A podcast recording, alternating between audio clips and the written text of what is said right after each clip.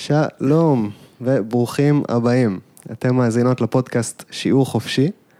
אני דוד מורדוך, והיום נמצא איתי כאן חגי מזלי. נכון? אמרתי נכון? מזלי. מזלי. תמיד אני מפשל ב... באיזושהי צורה בשם, גם הייתי בטוח אותך עם חגי או חגי. גם וגם. גם וגם. אז אה, חגי מזלי. מזלי. מזלי, תודה. מעולה. אז אה, חגי, איזה כיף אה, שאתה פה. איזה כיף שאני פה, אנחנו כאן אה, באחת הקליניקות של אה, כפר איזון, שפה אנחנו עובדים ביחד, מכאן אני מכיר את חגי. אה, ואולי נתחיל בזה שתספר לנו קצת מה אתה עושה. אז אתה פסיכולוג, נכון? נכון.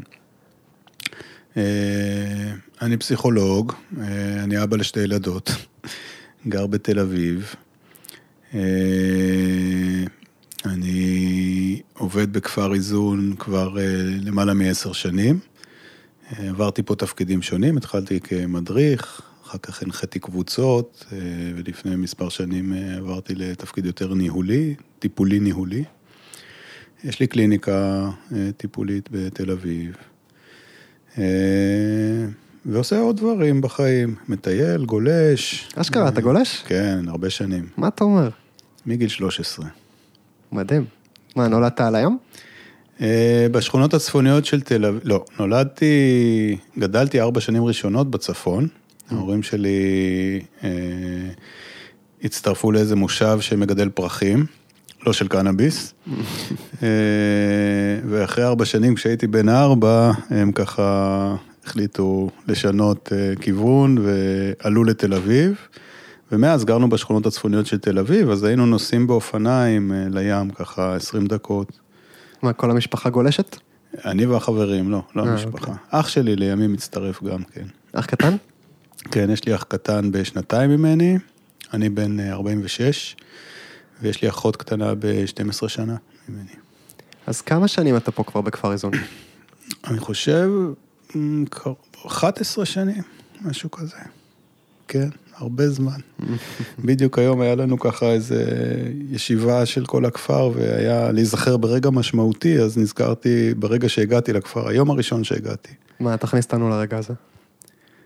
אה, הגעתי על טוסטוס מתל אביב, אשכרה. כן, אה, אחרי תקופת אה, משבר בחיים, משבר אישי, כשחיפשתי את עצמי קצת, אה, והתחלתי לאט לאט ככה למצוא דברים שנותנים לי משמעות, והגעתי למקום הזה לרעיון עבודה דרך איזה מישהי, לא ידעתי על זה הרבה, ומהרגע שנחתתי פה, שעברתי את השער ונכנסתי וראיתי את הבקתות הקטנות, ואת האנשים, ואיך שהם מתנהלים פה, ואת הים, ואת העץ מעליהם. אה, פשוט עלה לי חיוך, ואני זוכר שחזרתי כל הדרך על הטוסטוס ככה עם חיוך גדול, ומאז אני פה 11 שנים. אז תגיד לנו קצת מה זה כפר איזון, למי שלא מכיר. אה, הכפר עצמו הוא בעצם אה, מקום טיפולי קהילתי, בעצם אה, מין בית קהילתי גדול שמארח בתוכו חבר'ה צעירים שעברו איזשהו משבר, שלמשבר הזה יש איזשהו קשר כלשהו גם לשימוש בחומרים, אבל זה לא בהכרח העיקר, זה חלק. ובנקודה בחייהם שהם מרגישים שהם לא יכולים להמשיך את החיים כרגיל, לנהל את המשבר, לצאת ממנו בלי איזושהי עזרה יותר אינטנסיבית. אז הם מגיעים לפה לחמישה חודשים, גרים פה, מקבלים טיפול הוליסטי, זאת אומרת, מכל סוגי הטיפולים, יש פה איזושהי תפיסה שאני מאוד אוהב, שאין טיפול יותר טוב מאחר, שזה בעיקר קשור לבן אדם ולמה הוא צריך, זה שונה מאדם לאדם ומהקשר שיש לו עם כל מטפל. אז אם זה מטפל גוף נפש, או מטפלת בגינון, או בבישול, או באומנות, או מטפל אה, פסיכולוג, או פסיכיאטר, לא משנה, מקבלים פה הכל. וזה מאפשר אה, תהליכי שינוי מאוד מואצים. אה, השילוב הזה של לצאת ממשבר, לקבל טיפול מסוג כזה, משהו פה קורה מאוד מהר, אם אני מסתכל נגיד בהשוואה לקליניקה שלי לדוגמה. שגם בקליניקה שלך אתה עובד עם מקרים דומים? לא, בקליניקה שלי אני עובד עם מי שרוצה. מי שרוצה. מי שרוצה ואני חושב שמתאים. מעולה. כן. טוב, אז ב-11 שנה פה אני מניח שראית מלא מטופלים, די הרבה, כן. שהרבה מהם מגיעים עם איזושהי אה, איזשהו מקרה של התמכרות, שימוש בחומרים אה, וגם משבר פסיכוטי. אה, כן, לא מעט מהם. אז אתה מתעסק הרבה בהתמכרויות? אני מתעסק, אה, כן, ב-11 שנים האחרונות אני מתעסק הרבה בהתמכרויות. כן, אני גם אה, מלמד, יש לי הרצאות על התמכרויות, אה, אני מרצה במוסדות שונים שמטפלים בהתמכרויות, אז כן. אז אני אשמח שבפרק הזה היום נוכל לגעת קצת במה זה התמכרות, אה, ובהיבטים השונים שלה, וגם ספציפית בהתמכרות לקנאביס. אה, שנראה לי שזה איזשהו חומר גם שהוא מאוד רלוונטי לדבר עליו היום, אה, בייחוד היום בתקופת הקורונה, וגם אה, יש בו משהו מתעתע כזה, מבחינת התמכרות. נכון, אני מסכים. מה, מה אתה חושב על זה? שזה נכון, יש בו משהו מאוד מתעתע. מה? בשונה מהתמכרות לחומרים אה, שהנזק הוא מאוד מיידי ונראה, או ההשפעה היא לא תמיד נזק, ההשפעה היא מאוד מיידית ונראית, כן? אה, קנאביס הוא חומר שההשפעה שלו היא יותר סמויה, אה, גם כלפי חוץ, בן אדם יכול להשתמש ומבחוץ לא יראו שהוא ישתמש, בניגוד לפעמים לחומרים אחרים. גם כלפי פנים, בן אדם יכול להשתמש ולהרגיש מעט אה, סוטול, מעט סבבה, יותר טיפה רגוע, אה, אבל אולי לא להיות מודע להשפעות שבעיקר כשהן יותר ארוכות טווח, אה, אני חושב שהן משמעותיות, שאני לאורך השנים למדתי לזהות ולראות אנשים שסובלים מהם מאוד. מהשפעות ארוכות טווח של שימוש בקנאביס. כן. אתה יכול לפרט קצת? כן, אני בעצם ה... ה... אני לא חושב, אני אתחיל לתת איזושהי עמדה שלי לגבי חומרים, אני לא חושב שיש חומר רע, אה, כמו שאני לא חושב שיש חומר טוב, אני חושב שיש חומר, יש קנאביס, יש אה, בטון, יש אה, כל דבר, עץ ויש פטריות, אוקיי?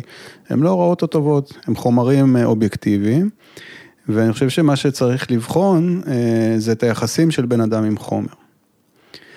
עכשיו, אה, הקנאביס, הרבה פעמים השימוש בו מתחיל אה, כשבן אדם, הרבה פעמים בגיל מאוד צעיר, יחסית מגלה שזה עושה משהו טוב. Mm-hmm. עכשיו, זה יכול לעשות משהו טוב ברמה של נעים, וזה גורם לי לצחוק, וזה משחרר אותי קצת, עושה אותי יותר יצירתי. אה, זה יכול להיות משהו טוב ברמה של מרגיע איזושהי חרדה חברתית שיש לי, אה, זה יכול ללכת לכל מיני מקומות. עכשיו, זה באמת עושה משהו טוב במקום הזה, אני לא חושב שזה שקר כשבן אדם בא ומדווח לי על זה. הרבה אנשים מדווחים על אה, שיפור תפקודי עם קנאביס. Mm-hmm. לדוגמה, הם מצליחים להתרכז יותר, הם מצליחים להיות גמישים יותר מחשבתית, פחות עצבניים, יותר רגועים, יותר מפוקסים. וכן הלאה וכן הלאה. יש אנשים שזה ממש תרופה משככת כאבים, ויש שיגידו מרפאת. לגמרי, נכון. אה, אז מהניסיון שלי הייתי הולך יותר לכיוון המשככת. אה, פחות נפגשתי עם המקומות שבהם זה ריפא. Mm-hmm. אה, בכל השנים האלו, אני לא יודע אם אני יכול לחשוב על מקום שפגשתי מישהו שהקנאביס ריפא אותו, כן שיכך כאבים, אפשר לישון ודברים כאלה. אבל אז מה שקורה הרבה פעמים, אה, כשהיחסים עם החומר אה, עוברים או, או משנים איזושהי פאזה, אז אה, פתאום יותר מלעזור הוא מזיק. וזאת נקודה שלבן אדם קשה מאוד להודות ו- ולהסתכל עליה, הרבה פעמים נקודה עיוורת. Mm-hmm. כי בן אדם מצא משהו שמאוד עוזר לו, ושבחוויה שלו ככה נמצא שם בשבילו, אני שמעתי מונולוגים על קנאביס שמדברים עליו כאהוב, חבר לחיים, שותף, עיסוק מרכזי, משמעות החיים, וכן הלאה וכן הלאה. כן. ופתאום להבין שהדבר הזה יכול להיות גם מזיק, ואולי אפילו יותר מזיק מעוזר, קשה. בעצם אולי יש שלב בחיים שבו זה באמת היה יותר עוזר ממזיק, אבל אז בשלב מסוים אמ, הש- השימוש השתנה, או שנסיבות החיים השתנו, או הגענו למקום שבו זה כבר יותר מזיק? אה, אפשר להסתכל על זה בצורה הזאתי, אני לא יודע, אני לא הייתי עם בן אדם לאורך כל שנייה בחיים שלו כדי לדעת בדיוק מה היה שם על המאזניים, אה, אבל מה שקורה הרבה פעמים, הקנאביס הוא הרבה פעמים משכך.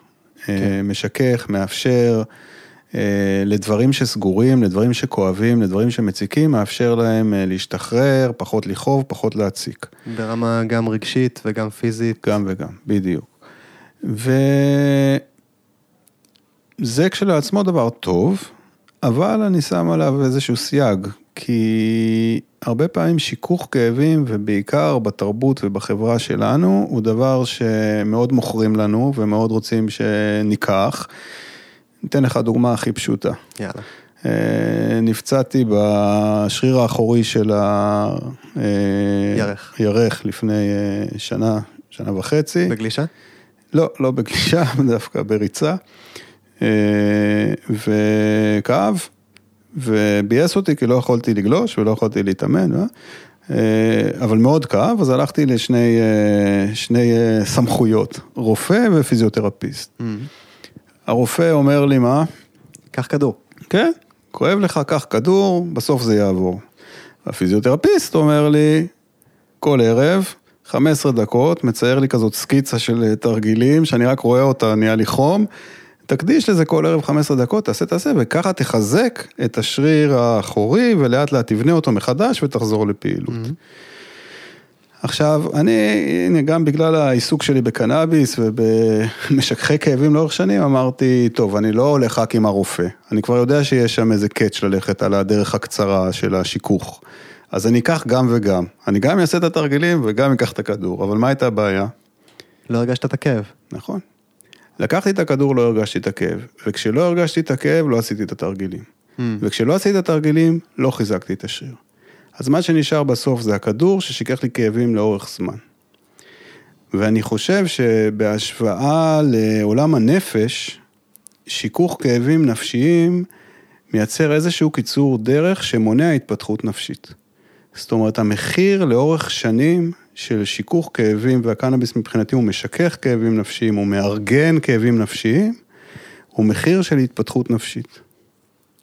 האמת שזו הסתכלות ממש מעניינת. כאילו, לא חשבתי על...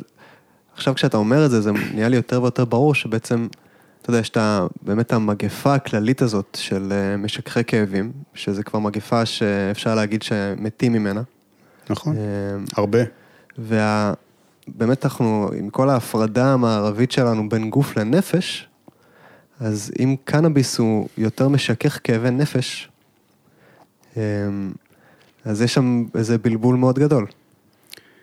הנפש במידה מסוימת מתה ממנו. מתה ממנו. היא, אני לא חושב שהיא מתה, אני חושב שהיא יוצרת התפתחות. אוקיי? היא יוצרת התפתחות. אני חושב שעוד פעם, התרבות שלנו תיתן רטלין ותיתן אה, תרופות משככות כאבים בכמויות גדולות, מכל מיני סיבות. אגב, הרבה מהסיבות הן סיבות כלכליות, אתה יודע, אה, אנשים מרוויחים על זה כסף. בשוק הקנאביס כיום, ברגע שנכנס לישראל, אלה שעומדים בראש החברות שהשקיעו בהם הם רמטכ"לים וראשי ממשלות לשעבר ואנשים הכי... הם אלה שמשקיעים כסף כי זה שוק שיש בו כסף. שזה מה שקורה היום. כן, והתרבות מוכרת שיכוך כאבים כאיזושהי אמירה שיש, העיקר שתתפקד. תשכך את הכאבים ותתפקד. ואני חושב שיש שם פגיעה לאורך uh, טווח ארוך uh, בהתפתחות. זה יכול להיות בפיזי וזה יכול להיות בנפשי. גם ה... אינטרנט והוואטסאפ הם קיצורי דרך, במקום שתעבוד על קשרים אמיתיים ועמוקים, אתה, יש לך כאילו 300 חברים, אז נכון. אתה מקצר את הדרך. 300 זה עוד כלום, מה? זה כלום, לא- אין לי פייסבוק, אני לא יודע. ראיתי שאין לך פייסבוק, חיפשתי כן. אותך. אז הנה, אני לא שמה. אוקיי, אז איך אתה מגדיר התפתחות? לעבור דרך קשיים. היכולת לעבור דרך קשיים. כן. כן, אני חושב שהרבה פעמים התפתחות אה, צריכה לעבור דרך אה, איזשהו קושי, איזושהי פגיעות, חשיפה, משבר, גיל ההתבגרות לדוגמה. Mm-hmm. אה, שרק מעטים מאיתנו יוצאים ממנו היום. לוקח הרבה זמן, נכון. כן, גיל ההתבגרות אה, נמתח עד גיל 30 אה, ועולה. כן, מעניין אם זה קשור לקיצורי דרך, זאת באמת שאלה. כן. אני חושב שהדוגמה שלך עם הירך היא מעולה, הכאב בירך, כי העניין הוא שם, אולי הוא לא רק ה... הכ- החוסר כאב שמונע ממך לעשות רגילים, אלא גם הכאב בא להגיד לך, שומע, אתה לא יכול לגלוש עכשיו. Hmm, ואם אתה פתאום אה, לוקח את המשככי כאבים, ואז לא כואב לך, ואז אתה גולש, אז אתה בעצם יכול להמשיך לייצר את הפגיעה. נכון. ובעצם אולי זה מה שקורה עם הקנאביס אה, בתוך מערכות יחסים. אה, אני לגמרי מסכים איתך. אתה בעצם מתאר את המעגל של ייצור פגיעה, שעם המשכך כאבים אני לא מודע אליה. אז יש לי גם דוגמה על זה. יאללה. אה, הייתה לי בחורה שהגיעה אליי לטיפול, אה, אימא לשניים, וסך הכל אישה מתפקדת בחייה, אה, נשואה, מתפקדת, אה, אה, קוסמטיקאית, והגיעה לטיפול אחרי שהיא ישנה למעלה מעשר שנים, באופן יומיומי, ישנה יפה. אני לא יודע כמה גרם בדיוק, אבל עשרה ג'וינטים ביום פלוס מינוס. ככה, אוקיי. בוקר, צהריים, ערב. זאת אומרת, חיים תחת השפעת הקנאביס. כן, אבל ניהלה חיים מלאים. כן. עבדה, אימא, בת זוג, והיא מגיעה אליי לטיפול אפילו בלי הבנה מלאה של למה היא רוצה להיגמל מקנאביס, רק עם איזושהי אמירה שהיא מרגישה שמשהו שם לאורך השנים הולך ומשתבש וזה קשור לשימוש בקנאביס גם. איזושהי אינטואיציה. אינטואיציה, כן, לא, לא, לא, אפילו לא עצרתי, אני חושב בהתחלה מאיפה זה בא, כי רציתי, אוקיי, בוא, אמרתי בוא נתחיל את התהליך, היא הייתה מאוד ככה להוטה. ובאמת היא ככה הצליחה מהר מאוד ממש אה, להיגמל, אה, להפסיק שימוש, אה, והיא מגיעה אליי כמה פגישות אחרי שהיא מפסיקה את השימוש, ומספרת לי על ריב שהיה לה עם בעלה. היא מספרת שהם עומדים במטבח, והם מתחילים לריב, ושהוא פתאום מתחיל לבכות. והיא מאוד נבהלת, והיא שואלת אותו מה קורה, והוא אומר לה שזה דמעות של שמחה. והוא אומר לה שתוך כדי שהם רבים, הוא קולט שהם עשר שנים לא רבו.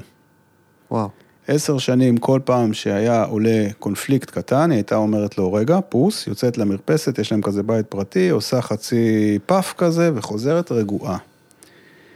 והוא אומר לה בעצם, במשפט הזה ובדמעות האלה, שהייתה חסרה לו הנוכחות שלה.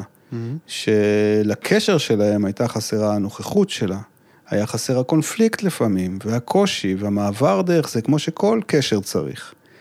והקנאביס כל הזמן ריכך את זה, וריכך את זה, ולא אפשר את ההתפתחות לא שלה ולא של הקשר ביניהם.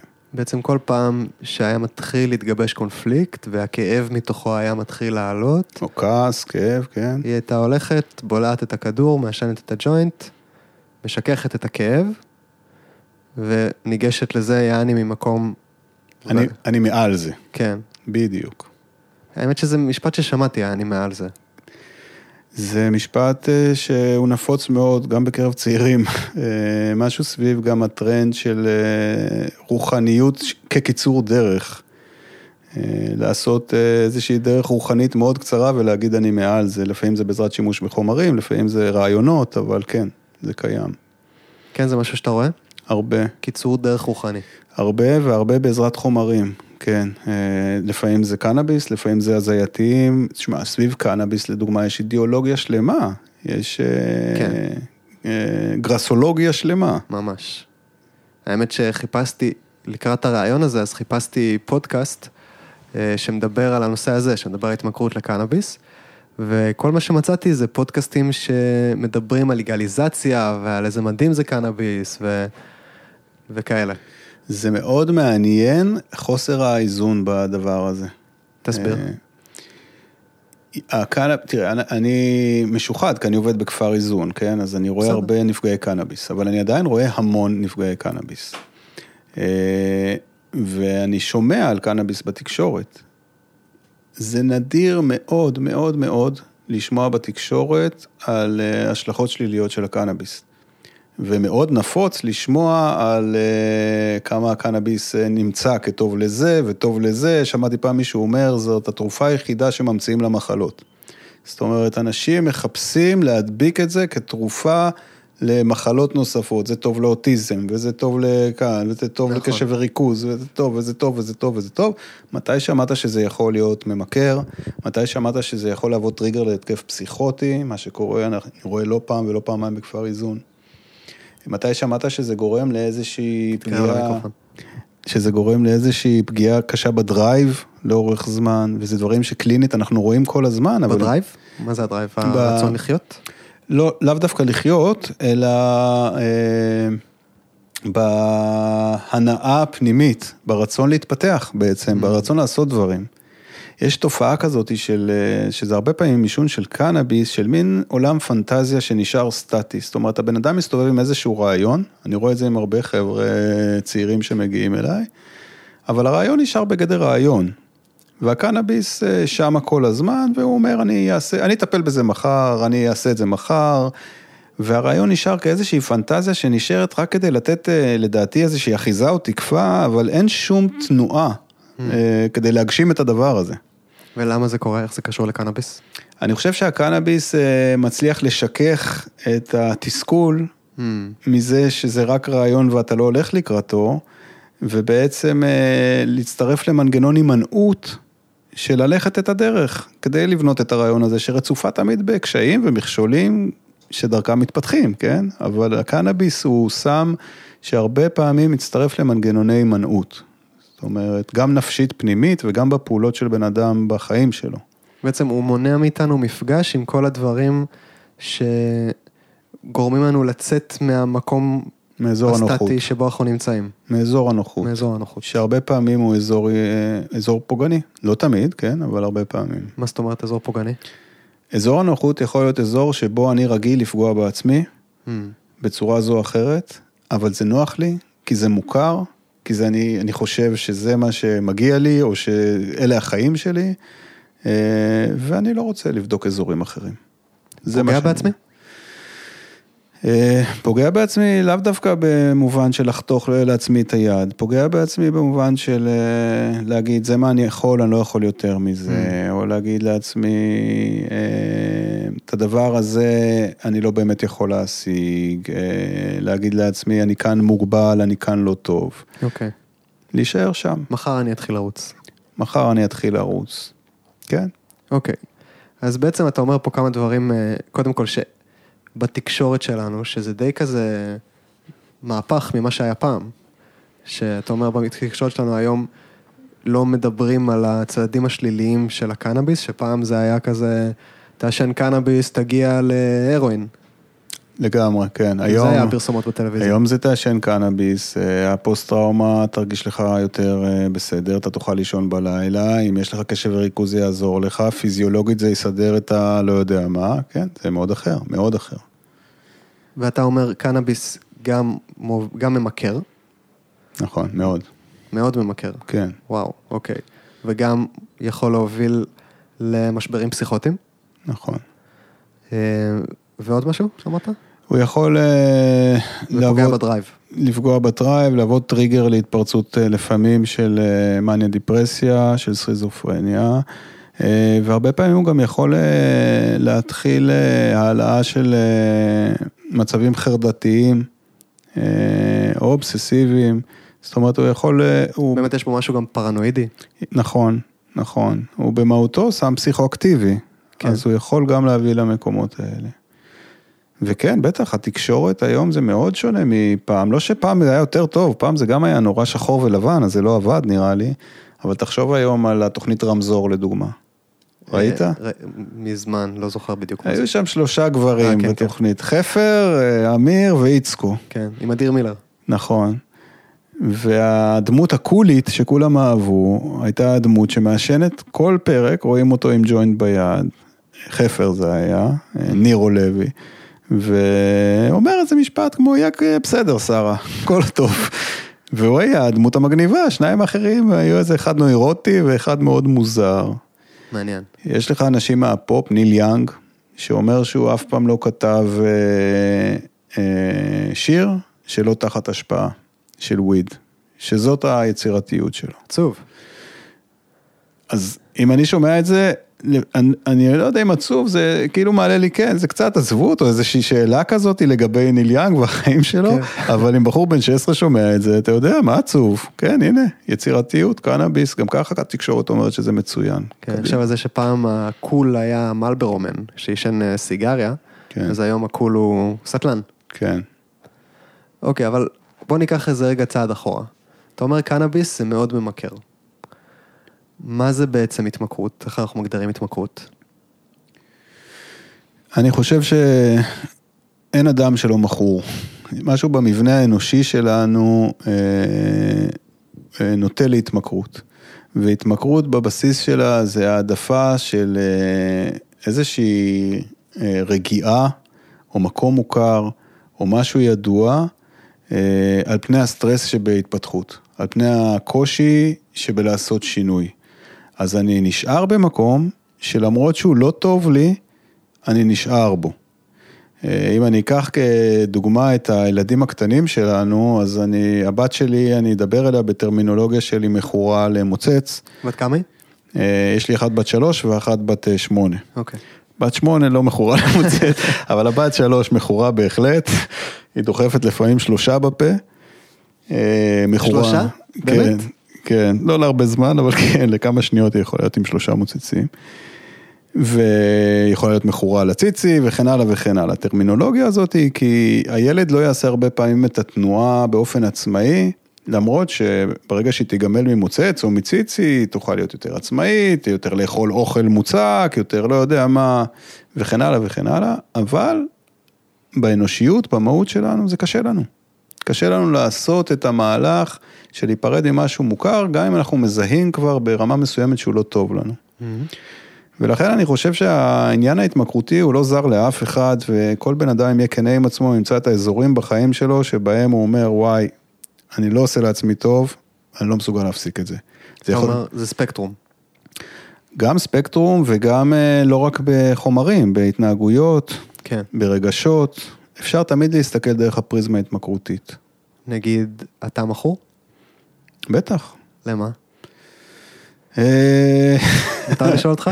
כן, מותר הכל. אה, מבחינת חומרים, לדוגמה, אני לאורך החיים עושה לעצמי גמילות מההתמכרויות שלי, כחלק מהעיסוק בעניין הזה, וגם מההבנה של לעבוד עם מישהו שבא אליי עם התמכרות. Mm-hmm. אז נגיד חומרים, אין לי איזה נקודת התמכרות קשה לחומרים, אבל נגיד לקפה אני הייתי מאוד מכור. אני חושב שאני עדיין מכור לקפה, כן? ועשיתי לאורך השנים גמילות ארוכות, חצי שנה, שנה מקפה, כדי להרגיש מה זה לשחרר התמכרות של אה, חומר. ומבחינה רגשית, אני חושב שיש לי דפוסים רגשיים, שאני מסתכל עליהם היום, והוא אומר, כן, יש שם התמכרות. יש שם אה, חזרה לאותו מקום כל הזמן, למרות שאני מבין שהוא מזיק וקשה לי לשחרר אותו. סביב כעסים, סביב עצבים, סביב התנהלות בתוך המשפחה, אתה יודע, אה, דברים כאלו. אז מה, קפה, לשם אתה בורח? אני בורח לקפה, כן. כן, באמת? אני לא יודע אם לקרוא לזה בריחה. יש גם ספקטרום, זאת אומרת, יש התמכרויות שהן יותר בריחה ופחות בריחה. אני חושב שבגילאים יותר צעירים היו לי יותר בריחות, הן היו יותר בריחות רגשיות, בוא נגיד ככה, אני פחות איש של חומרים. Mm-hmm. אה, ככל שאני גדלתי עם השנים, אני מנסה פחות ופחות לברוח בכל מיני מובנים. אתה אומר, אני פשוט פחות איש של חומרים, זה אומר אני יותר איש של התנהגויות? שאם הייתי מזהה דפוסים התמכרותיים אצלי, הם היו יותר סביב אה, רגשיים, דפוסים רגשיים יותר, הייתי אומר אפילו. נגיד כמו אה, הימנעות מקונפליקט? יכול להיות, ריצוי, mm. יכול להיות. מעניין להסתכל על זה דרך הפריזמה ההתמכרותית. נכון. נכון. אה, זאת אחת האפשרויות, כן? זה לא ההסתכלות היחידה, אבל לפעמים זה עוזר לעשות שינוי. אז איך אני אדע אם אני מכור? תשאל את עצמך אם אתה מכור. תזהה אם יש לך דפוסים מסוימים, רגשיים, התנהגותיים, אה, חומריים, שאתה חוזר אליהם למרות שאתה מרגיש שהם לא טובים לך. Mm. תנסה להבין למה אתה חוזר אליהם, מה הם נותנים לך ומה הם לוקחים ממך, תנסה להפסיק אותם ותראה מה קורה. תנסה להפסיק ותראה מה קורה. כן. ובעצם אתה אומר, אם יש משהו בחיים שלי שאני יודע שהוא לא עושה לי טוב, ואני כבר חושב על להפסיק אותו, ואני מוצא את עצמי שוב ושוב עושה אותו. לגמרי. זה יכול להיות uh, התנהגות מסוימת, זה יכול להיות, uh, אני יודע, אמ, מסכים, שימוש במסכים, מאוד. היום זה מאוד נפוץ, מאוד, וגם חומרים. נכון. אוקיי, אז הבנו מה זה התמכרות. נגיד, אה, אז קל לי להבין מה זה התמכרות לקפה, או מה זה התמכרות לסיגריות. אה, ברמה רעיונית גם קל לי להבין מה זה התמכרות אה, להרואין, נגיד. אבל קנאביס, אה, לא יודע, אולי זה יותר כמו אלכוהול, כאילו יש בו משהו חברתי, אה, שקשה להבין מה בו ממכר. תראה, גם אלכוהול, אה, אם אתה שותה כוס יין אפילו פעם ביום, וזה בארוחת הערב, וזה נעים לך, וזה לא מפריע לחייך, אז אה, אני לא בהכרח הייתי קורא לזה התמכרות. כן. אוקיי? ואם הייתי אומר לך, דוד, עכשיו שבוע אין יין, והיית אומר לי, בסדר, אוקיי. וגם קנאביס, הרבה פעמים הוא ככה, אם בן אדם מדי פעם מעשן עם החבר'ה, ובכיף, או לא עם החבר'ה, אני לא יודע, סבבה. אבל אני חושב שזה מאוד מאוד אה, tricky עם קנאביס, ושצריך לשים לב. אה, נגיד העישון, המודה עכשיו של לחזור הביתה ולעשן כל יום. יש אה, מודה כזאת? אני, תראה, אני מטפל בתל אביב, אני לא יודע באיזה אחוזים, אבל הרבה מהחבר'ה שאני פוגש, לא רק בטיפולים, גם חברים, משפחה, אתה יודע. כן, דיבור, חוזרים הביתה בג'וינט, חוז, חוזרים לה- בערב, סוף יום. כן, לג'וינט של סוף היום, בדיוק. פעם זה הבירה של סוף יום, או... אז זה פיצוי של סוף יום, שזה גם בסדר כרעיון, אבל אני חושב שבשלב מסוים הרבה פעמים זה נהיה נוקשה מדי. זה נהיה דפוס. אני חייב את הג'וינט הזה של סוף היום, אני מתחיל לחשוב עליו כבר בתחילת היום, לפעמים אני מקצר את היום כדי להגיע לג'וינט של סוף היום, ובטח בסוף שבוע שאני לא עובד אז יהיה כל הזמן ג'וינטים, ואז אני חושב כבר שצריך להתחיל לשאול שאלה על היחסים עם החומר הזה. וקנאביס הוא tricky, אגב אלכוהול, גם התמכרות מאוד קשה, כן, כן. לפעמים. אומרים שהגמילה מאלכוהול היא אחת הקשות. אלכוהול יש אספקט מאוד פיזי של גמילה. כן. אה, קנאביס זה פחות בפיזי הגמילה. באמת, אני חושב שכשמדברים על התמכרויות, אחד הבלבולים זה העניין של ההתמכרות הפיזית, ההתמכרות הנפשית, כאילו נגיד, אה, אתה יודע, אומרים, אוקיי, אתה מפסיק לעשן סיגריות, אז יש לך שבוע שהגוף מתנקה, או לא יודע, משהו כזה. כן. אז גם בקנאביס זה ככה, או מה? אני, אתה יודע, אה, ההסתכלות שלי מאז ומתמיד היא גוף נפש, זאת אומרת, הדברים מעורבבים זה וזה, ואנשים שונים מגיבים בצורות שונות אה, להתנקות מחומרים. ראיתי חבר'ה שמתנקים מקנאביס עם ביטויים פיזיולוגיים, אה, וראיתי חבר'ה גם בלי ביטויים פיזיולוגיים, אבל תמיד אחרי התמכרות לקנאביס יהיו ביטויים נפשיים רגשיים לה- להפסקה של השימוש. כמו מה? בדרך כלל מה שנראה, אה, זה תלוי מאוד בקונטקסט, אבל אה, נגיד בכפר איזון, אה, בשלבים הראשונים, לפעמים תהיה דווקא איזושהי אופוריה.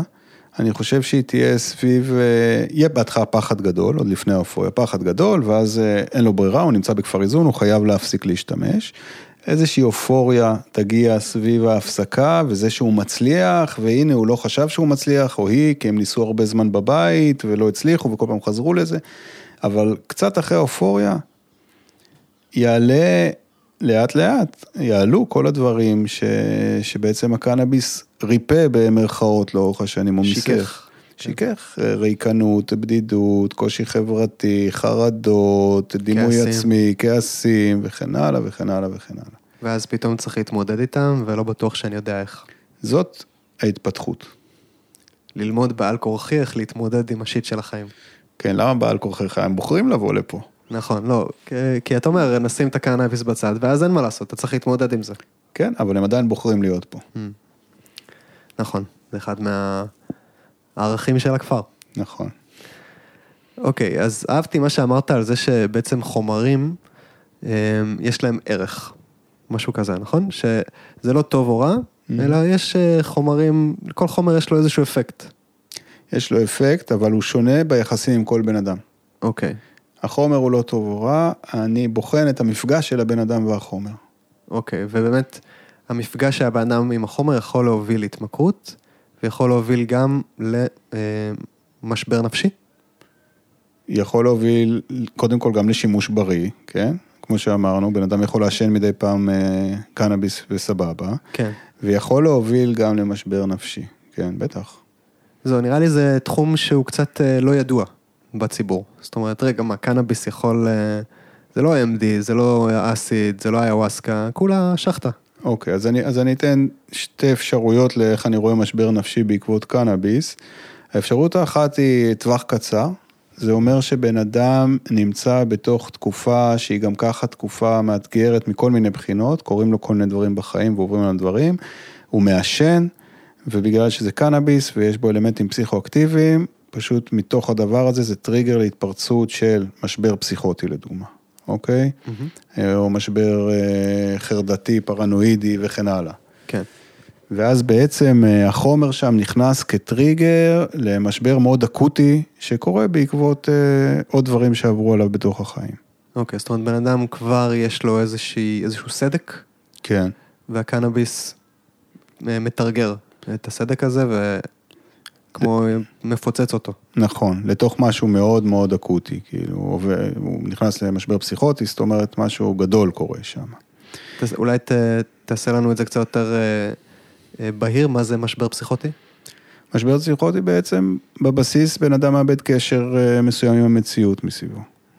הוא לא יכול לדאוג לעצמו בצורה מספקת, לפעמים מסכן את עצמו, את הסביבה שלו.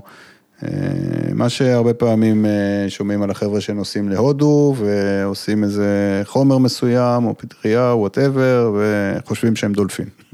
משבר פסיכוטי. כן. אז זה מה שקורה? חושבים שאתה דולפין? אה, בכפר עוד לא או- פגשתי מישהו שחשב שהוא דולפין. או משיח? משיח פגשתי הרבה, שטן, שזה קשה מאוד, חבר'ה שחושבים שהם השטן, זה לא, לא פסיכוזה נעימה. אתה מדבר ממש מתוך חוויות ומקרים שאתה כן. מכיר ונפוצים. כן, כן, הרבה, זה תלוי גם מאוד בתקופה, בתקופת גלעד שליט היו הרבה חבר'ה שהלכו לחלץ את גלעד, גלעד שליט. אה, חבר'ה שחושבים שיש להם כוחות על טבעיים, קוראים מחשבות, אה, מסוגלים לכל מיני דברים, ואז גם מסכנים את עצמם, אם זה לעוף, לשחות מתחת למים, כל מיני סיפורים. אבל בעיקר אה, אובדן קשר עם המציאות. המשפחה מאוד מטלטלת מהדבר הזה, פתאום מרגישים שלא מכירים את הבן אדם, מאוד מפחיד, משתגעים, במילה הכי פשוטה. כן. אז זאת אפשרות אחת. שזה אמרת ק- קצר טווח. נכון, כי זה כאילו, החומר הוא טריגר למשבר אקוטי שקורה עכשיו. אוקיי. האפשרות השנייה של משבר בעקבות שימוש, שאני רואה בכפר, זה מישהו שמתמכר ומשתמש לאורך שנים. ואז לאורך זמן הקנאביס אה, פוגע, ב, כמו שאמרנו, באיזושהי יכולת שלו להתפתח. ופוגע באיזושהי יכולת שלו גם להתפתח פנימית, אבל גם חיצונית. ואחרי חמש, שש, שבע שנים הבן אדם מוצא את עצמו נמנע מהחיים, נמנע מהתפתחויות בתחום הזוגי, חברתי, תעסוקתי, ומגיע לאיזושהי נקודה שהוא אומר די. אני מבין שיש פה בעיה, אה, ואני מבין שאני רוצה לטפל בה. אז זה לא משהו אקוטי כמו המשבר הפסיכוטי, אבל זה משהו אקוטי מזווית אחרת, של בן אדם שהשתמש הרבה שנים ובעצם מנע מעצמו התפתחות כל השנים האלה. אה, לדוגמה, היה לי בחור שהגיע אליי, וזה אפרופו נקודה מעניינת. הקנאביס הוא הרי אמרנו משכך, אז כשהוא משכך את המערכת הנפשית, את ההתמודדות של המערכת הנפשית, הוא משכך את היכולת של בן אדם אה, לעבור קשיים, לעמוד בקונפליקטים, ללמוד איך הוא מוציא את הכעסים שלו בצורה בריאה, איך הוא מסתגל אה, לקשיים בצורה בריאה, אה, והוא גם משכך את היכולת לחלום. אה, אנש- מעניין. אנ- באמת אנשים לא חולמים כשהם בדיוק. מעשנים. בדיוק, אחד הדברים הראשונים ששומעים מאנשים אחרי שמפסיקים לעשן, זה חזרנו פתאום לחלום. נכון. וזה מאוד סמלי לשיכוך היכולת להתפתח לתוך חלומות ולהישאר במין פנטזיות מעגליות כאלה, כמו שאמרתי קודם, שכאילו אתה נשאר עם זה רעיון וכל הזמן מריץ את אותו רעיון ולא עושה כלום. האמת שזו סמליות ממש אה, מעניינת. כאילו, בן אדם עם הקנאביס מאבד את היכולת לחלום גם ברמה המטאפורית. בדיוק. לחלום את העתיד שלו, את עצמו. את עצמו. לחלום את עצמו מתפתח, גדל, בונה לעצמו דברים. והקנאביס גם משכך את המערכת המוסרית ברמה מסוימת, אה, לפחות מהניסיון שלי. אוקיי. אה, כתב על זה מאמר בחור בשם אילן, אה, אילן גבאי, זיכרונו לברכה, אוקיי. שליווה חבר'ה צעירים שמכורים לקנאביס, והוא ממש אה, ראה איך יש שיכוך של המערכת המוסרית, איך הרבה יותר קל לשקר אה, ולעשות מניפולציות תחת שימוש בקנאביס. וואו, זה ממש נשמע כמו הפרסומות של שנות ה-60, שנות ה-70. של אל תעשה כאילו זה רע. כן, אתה- הופך לשטן, הוא רוצח חתולות. אז הוא לא הופך לשטן, אבל אה, תחשוב שאם המערכת הנפשית משוככת, המערכת המוסרית היא חלק מהמערכת הנפשית. מהמם. היה לי בחור שהגיע אליי, והגיע ו... עם אה, התמכרות לקנאביס ארוכת שנים, וסיפר לי, אחרי שהוא כבר התחיל תהליך של ניקיון והתבוננות עצמית, על כמה שנים לפני זה שהוא היה גר עם אחותו. והוא סיפר שהוא היה לוקח לה כסף מהארנק, ותוך כדי שהוא לוקח לה את הכסף מהארנק, הוא אומר לעצמו, איזה מערכת יחסים מהממת יש ביני לבין אחותי. הכל פתוח. אני יכול ללכת לארנק שלה, לקחת 200 שקל מתי שבא לי, ואם היא רוצה, היא יכולה לבוא לארנק שלי ולקחת שק, 200 שקל מתי שבא לה. והוא האמין לסיפור הזה. זאת אומרת, אה, ברור שהיא לא הייתה לוקחת לו 200 שקל מהארנק, כן? אבל הוא מסתכל על זה בדיעבד, והוא אומר, אני לא מאמין שהאמנתי לסיפור הזה. ואתה אומר, זה הקנאביס? אני לא חושב שזה רק הקנאביס, אבל אני חושב שהקנאביס בתור משכך כללי, עוזר לשכך גם את ההתלבטויות האלה. האם זה לשקר, האם זה לא לשקר, להגיד משהו, לא להגיד משהו, כל קונפליקטים, הדברים הקשים, הוא משכך, הוא אומר, עזוב את זה עכשיו, תיקח את ה-200 שקל, תתארגן, נתקדם. מחר נדבר על זה עם עצמך. אוקיי. אז ככל שאתה מדבר יותר, אני יותר מקבל איזושהי תמונה של השימוש בקנאביס ככרית גדולה שמרפדת את הסייף זון. כן, רק שהסייף זון לא בהכרח סייף. הוא לא, הוא לא תמיד סייף. הרבה פעמים הוא לא סייף. מתי? בן אדם צריך להתפתח. כן. זאת אומרת, זה חלק מהתנועה צריך שלנו. לתפקד בחיים. לא יודע אם לתפקד, הוא. כן, גם לתפקד אולי, אבל הוא צריך להתפתח אה, בתוך הקרקע של המציאות, אחרת לא תהיה התפתחות אה, מספקת, והוא יישאר עם פנטזיה. אבל מה מסוכן בלא להתפתח? שבסופו של דבר הפנטזיה מתפוצצת. אוקיי. היא יכולה להחזיק מעמד, עם חומרים כמו הרואין היא לא תחזיק מעמד הרבה זמן, אוקיי? אוקיי. היא תתפוצץ מהר מאוד, והבן אדם יהיה מאוד ברור שהוא בתוך אה, הרס עצמי. אבל עם חומרים מסוג אחר, קנאביס ביניהם, ולדעתי הוא המלך שלהם, הפנטזיה הזאת יכולה להחזיק הרבה שנים אפילו. שאולי זה אחת הבעיות, אחת, אחת הטריקיות שלו. נכון. במשך שנים בן אדם יכול לתפקד תחת שימוש כבד בקנאביס ולספר לעצמו שזה משפר לעצמו את התפקוד ושהוא לא מכור ושאין תלות ושהוא נוכח בחיים ושזה עוזר לו להתפתח ושהיצירתיות שלו יותר טובה והרבה דברים. יכול להיות שחלק מהדברים יהיו נכונים, אבל גם יכול להיות, ומה שהרבה פעמים קורה, שהוא לא מסתכל על הצדדים המזיקים וההרסניים של הדבר הזה, והרבה פעמים הם עולים בשלב מסוים על הצדדים הבונים והחיוביים. כן, אבל לא היית אומר שיש שלב שבו הכרית המרפדת הזאת היא גם אה, מתאימה, או הולמת את המצב שהבן אדם נמצא בו? כאילו, אולי התרופה הזאת היא לפעמים, או אולי אפילו הרבה פעמים, מיטיבה? אוקיי, בוא תדמיין שאתה אבא לילד. אוקיי. אתה יכול לדמיין אה, סיטואציה שבה הילד שלך נמצא בכמה שנים שאתה אומר, אה, הוא כרגע בקשיים, אני חושב שכדאי שיעשן יומיומי כדי אה, להרגיע את הקושי הזה. תלוי איזה קשיים. נגיד הוא פוסט-טראומטי. יש מצב. כן. אז, אז הלכת הכי קיצון שיש. זאת אומרת, כן, הלכת אוקיי. לבן אדם שסובל באופן מאוד מאוד קיצוני. נכון? וזה כבר אחרי שאתה רואה שהילד שלך סובל, לא מצליח לישון, לא מצליח לתפקד, ואין לך מוצא אחר. תמיד קל ללכת לקיצון. כן. היית בוחר בזה כמוצא ראשון? לא. אם הוא היה... לא. אוקיי. לא, הייתי בוחר בטיפול, הייתי בוחר ב... לדבר איתו, לראות מה יכול לעזור לו, מה יכול... אה, למה לא היית בוחר בזה כמוצא ראשון? כי אני באמת לא מאמין אה, בשיכוך כאבים. אז גם אני לא. ואני חושב שאתה יודע, אם אה, יש מצבים שבהם אה, במאזניים זה יותר מועיל ממוזיק, יכול להיות שכן, אני חושב שכן, זה מצבים מאוד קיצוניים. אה, שבן אדם, אדם נמצא בכזה סבל שאוקיי, אז, אז כן, אבל לא הייתי מאחל לאף אחד להיות במקום הזה. אני חושב שרוב האנשים שמגיעים להתמכרות, אה, באים מתוך סבל, אבל יכולים אולי לאפשר לעצמם להשתחרר מהדבר הזה ולעשות התפתחות טובה, ולא נידונים לשימוש בקנאביס כמשכך כאבים, כי אין אפשרות אחרת. אפילו אפשר להגיד אולי שכל האנשים שמגיעים להתמכרות מגיעים מתוך סבל, מתוך כאב. כן, אולי, כן. אולי אפילו מתוך טראומה. אה, כן, אני חושב שבסופו של דבר, אה, בן אדם שמתחבר באופן התמכרותי למשכך כאבים, כן, יש מתחת זה איזשהו כאב. כן, כאב, משכך כאבים, כנראה יש כאב. נכון. כן, האמת שבהקשר הזה, אני אמרתי לך, אני מאמין, אני לא מאמין במשככי כאבים, אולי אני אגיד על דרך ה... לא על דרך השלילה, שאני מאמין בלהרגיש.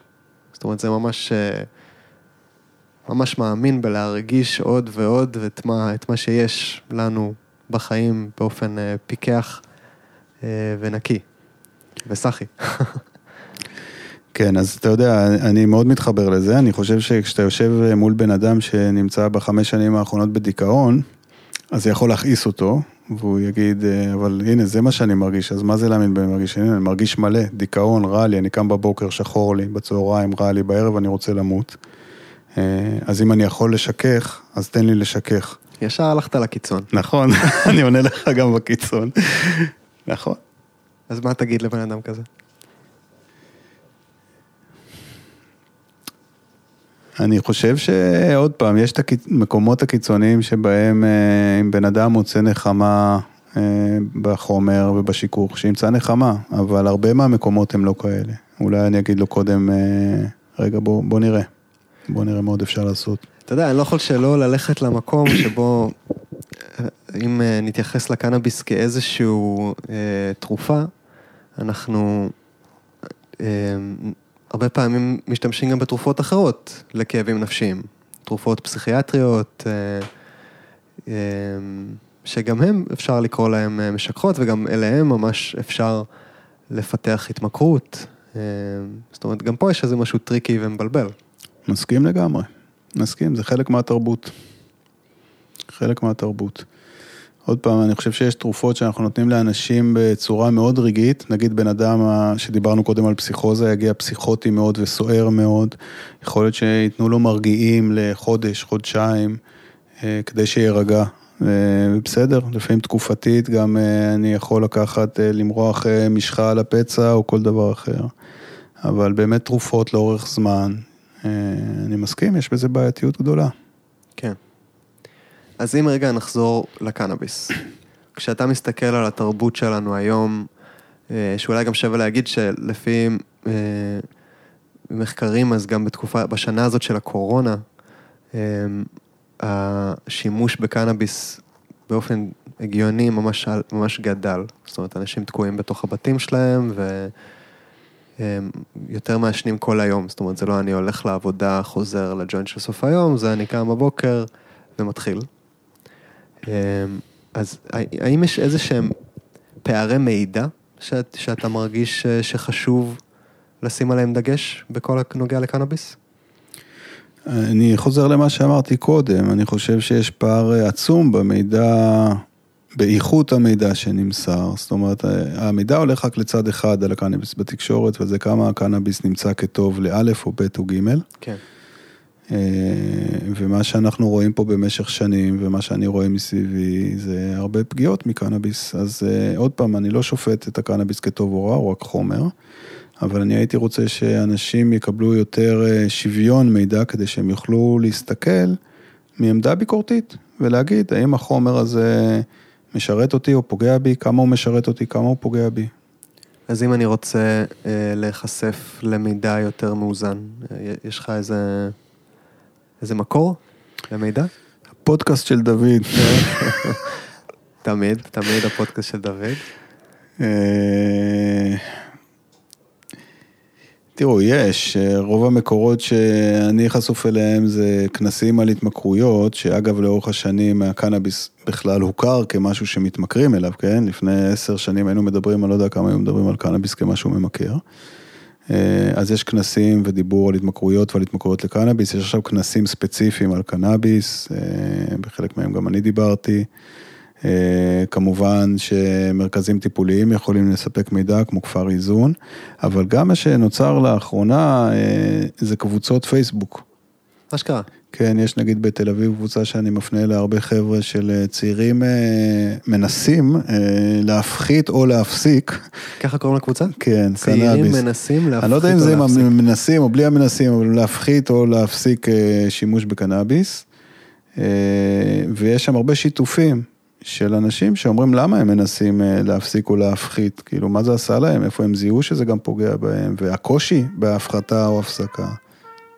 לא, לא. אוקיי, אז אנחנו נ, נצרף לינק לזה בפרטים של הפודקאסט. אוקיי. אמ, מה עוד רציתי לשאול אותך? ותכלס, אז בהקשר הזה, אתה אומר התמכרות, אה, קנאביס זה לאחרונה מוכר כמשהו ממכר, אז תמיד בטח יש הרבה יותר מידע על התמכרויות בכלל. זאת אומרת, שווה לגשת למידע הזה, הוא כבר יכול לאפשר איזשהו אה, קרבה. כן, נכון. נכון. ובא לי לחזור למשהו שאמרת, אמרת שקנאביס זה ממכר מאוד. מה גורם לך להגיד את זה? אה, בעיקר החיים שלי וההסתכלות שלי, ההיכרות שלי עם הסביבה והעולם שאני חי בו. אה, חלק מזה זה כפר איזון והטיפולים, אבל גם אה, אנשים מסביבי, חברים, מכרים, משפחה. אה, ואני חושב שקנאביס, יש בו איכויות מאוד מושכות. ולא כל כך פוגעות אה, בטווח הקצר באופן שקל לזהות אותן. כן. אפילו אה, משככי כאבים, אה, שהם גם ממכרים מאוד, וכמו שאמרת, גורמים לתמותה מאוד גבוהה, ובעיה בארצות הברית בכלל עכשיו, זה ככה נכון. בעיה רצינית. נראה לי שהמחירים שלהם יותר ברורים, משהו בהרדמה, משהו במה שהם עושים לך פיזית. והקנאביס, שהרבה פעמים חבר'ה רצים איתו שנים ממקום של רק סבבה, ועוזר לי קצת לתפקד, ומרגיע אותי וזה. גם יש איזה עניין שכאילו התרופה, משככי כאבים הם כזה תרופה, הם יותר מייצגים את הממסד, והקנאביס הוא טבע, הוא מהטבע. בדיוק, זה טבעי, זה... כן. אז, אז, אז יש שם משהו שאני מרגיש מאוד מפושט בחברה, ו, וממכר. וממכר, אנשים אה, מייצרים איתו מערכת יחסים תלותית והתמכרותית, לדעתי במספרים מאוד מאוד גבוהים. גם לדעתי. ואולי גם חשוב להגיד בהקשר של הממסד והטבע, שהקנאביס היום הוא לא הקנאביס שהיה פעם. אה, יש לי כזה גרף באחת ההרצאות שלי, שב-1975 כשנולדתי, אז אה, זה היה, אני לא יודע איזה, אבל אחוז מאוד קטן של THC בקנאביס, מה שיש היום. Mm-hmm. הגרף פשוט עולה בעלייה תלולה, mm-hmm. בגלל שהיצרנים זיהו שהחומר הפסיכואקטיבי, ה-THC בתוך הקנאביס, הוא... אוהבים אותו. כן, זאת אומרת, הקנאביס היום שאנשים מעשנים זה קנאביס אה, מיוצר, זה קנאביס אה, מהונדס במידה מסוימת. הוא מיוצר, הוא מהונדס, הוא הרבה פעמים אחוזי THC מאוד גבוהים, אה, וכן, הוא, אנשים אוהבים אותו כי הוא פסיכואקטיבי, כי הוא נותן סאטלה. אוקיי, אז אנחנו ככה מתחילים להתקרב לסיום. אמ, נגיד אני מקשיב לפודקאסט, ואני מזהה שאני מכור. ואני אומר לעצמי, בואנה שיט, אני מכור, או לחילופין, אה, הבן זוג שלי מכור, או הילד שלי מכור.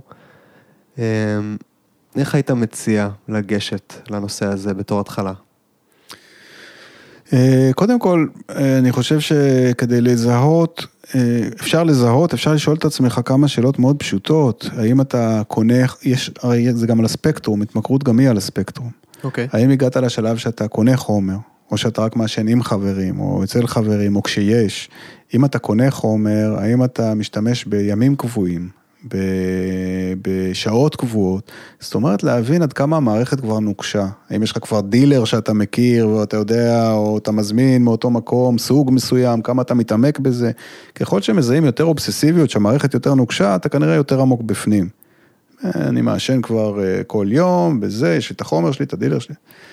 וכן, ואם בן אדם מזהה, או אפילו שואל את עצמו שאלה, אה, אולי יש לי מערכת יחסים לא בריאה עם הקנאביס, אז ההמלצה העיקרית שלי היא ללכת למישהו, לשבת עם מישהו, לקבל כן מבט חיצוני, מאוד חשוב שם מבט חיצוני. זאת אומרת... מישהו, אתה מתכוון מישהו מקצועי?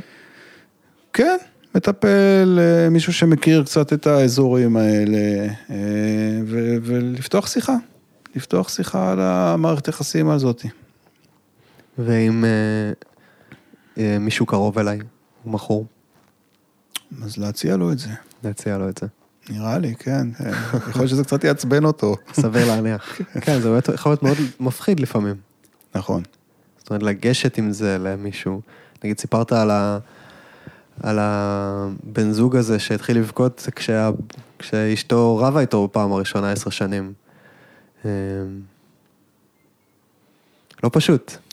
זה לא פשוט, וזה הרבה פעמים המעבר אה, מפנטזיה למציאות, או ניפוץ של איזושהי בועה של פנטזיה. אני פעם היה איזה פסיכיאטר אה, שעבד אה, עם כאב כרוני, שאמר לי על הפנטזיה והמציאות, הוא אמר לי, החבר'ה עם הכאב הכרוני, אני מזהה את אלה שנמצאים בפנטזיה ואת אלה שעושים תהליך מציאותי. אלה שנמצאים בפנטזיה, זה אלה שאומרים מתישהו הכאב יעבור לי לגמרי. ואלה שעושים תהליך מציאותי, זה אלה שאומרים, טוב, איך אני לומד לחיות עם הכאב הזה? ואני חושב שכשאתה בא ואומר למישהו, אולי אתה מכור, מישהו שחי הרבה פעמים החומר במערכת יחסים התמכרותית, והוא נמצא בתוך הפנטזיה של הנה, זה הדבר, זה הפתרון ואלה החיים, ואין לזה מחירים, וזה סך הכל רק עוזר, אתה קצת... ואתה בא ואומר לו בעצם, אתה צריך אה, לקבל את הכאב חזרה. ואתה אומר לו, יש לזה מחירים. אתה אומר לו, זה משפיע אולי עליי, זה משפיע עליך, זה משפיע על הנוכחות שלך, על היזימה שלך, אני לא יודע על מה, אז אתה קצת מנפץ לו מקום שהוא מאוד קשור אליו, וזה ההתמכרות במהותה. אז כן, יכול להיות שהוא יכעס כשתגיד לו את זה. בסדר גמור. אמ, תודה רבה, חגי. היה לי כיף לדבר איתך. גם לי, דוד. אה, ותודה רבה לכם המאזינים. אה, מוזמנים כרגיל לשתף, לתייג, לשלוח לאנשים שנראה לכם שהפרק הזה ייטיב עמם. אה, ומוזמנים אה, תמיד לפרק הבא של שיעור חופשי. להתראות.